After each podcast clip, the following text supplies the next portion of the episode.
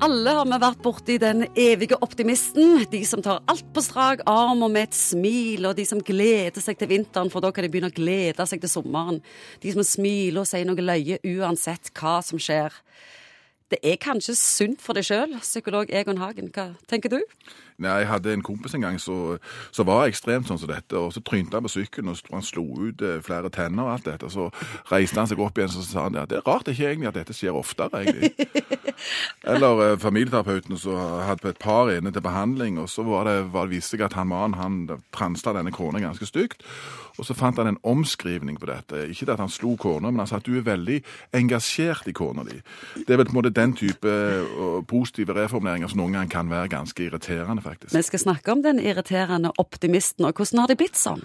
Ja, født sånn er det blitt sånn. Dette ligger nok veldig sånn i temperamentet, tror jeg. At noen er nok mer lys og lett i sinnelaget, og, og har, går inn i situasjoner, ikke med rumpa først, men tenker liksom hva er, hva er, hvordan kan jeg vri denne situasjonen til Noen ser bare snigler i jorda, og andre ser liksom grønt og vakkert og alt dette. Så hele det persepsjonsapparatet vårt tar nok farge litt av den personlighetsmessige konstellasjonen som vi har. Sinnelaget vårt har vi nok mye av det medfødt, men mye kan òg faktisk endre seg. Det er sagt at en, en, pessimist er en som har måttet høre på for mange optimister. Ja, det er godt sagt. Når vi snakker om dette nå, så er det fordi at det har vært en revolusjon innenfor terapien. og Det er noe som heter kognitiv atferdsterapi, som nettopp fokuserer på det hvordan tankene egentlig kan styre følelsene dine. Istedenfor å tenke sånn som Freud gjorde, at følelsene var på en måte en sånn hydrauliske væske som lå syda nedi der, og så bare tøyte ut, så har, har fokuset i mye større grad blitt på den hvordan kan du hvordan vi velger å tenke. Ja, akkurat. akkurat. Hvordan tankene styrer følelsene dine. Og så har jo selvfølgelig dette blitt en nasjonal idrett. og Noen ble jo sinnssykt gode i dette. Så gode at noen ganger for oss som står og hører på, kan være litt sånn, ja, nesten litt irriterende. Du sa det.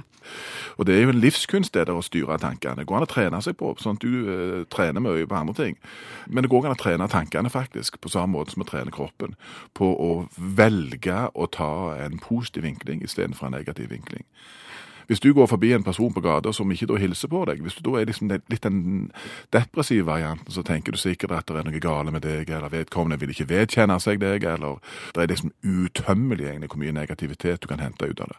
Er du positiv, så tenker du at vedkommende så det kanskje ikke, eller, eller var opptatt med noe annet. Eller opptatt med noe annet, eller uh, du så så utrolig sterk og, og bra ut at vedkommende orket ikke liksom å stoppe det. da er du en irriterende optimist. ja, kanskje det. Men jeg, jeg, jeg har jo òg lest at eh, de som er mildt pessimistiske, de har det best. For de, de får innfridd forventningene mye mer og blir ikke så skuffa.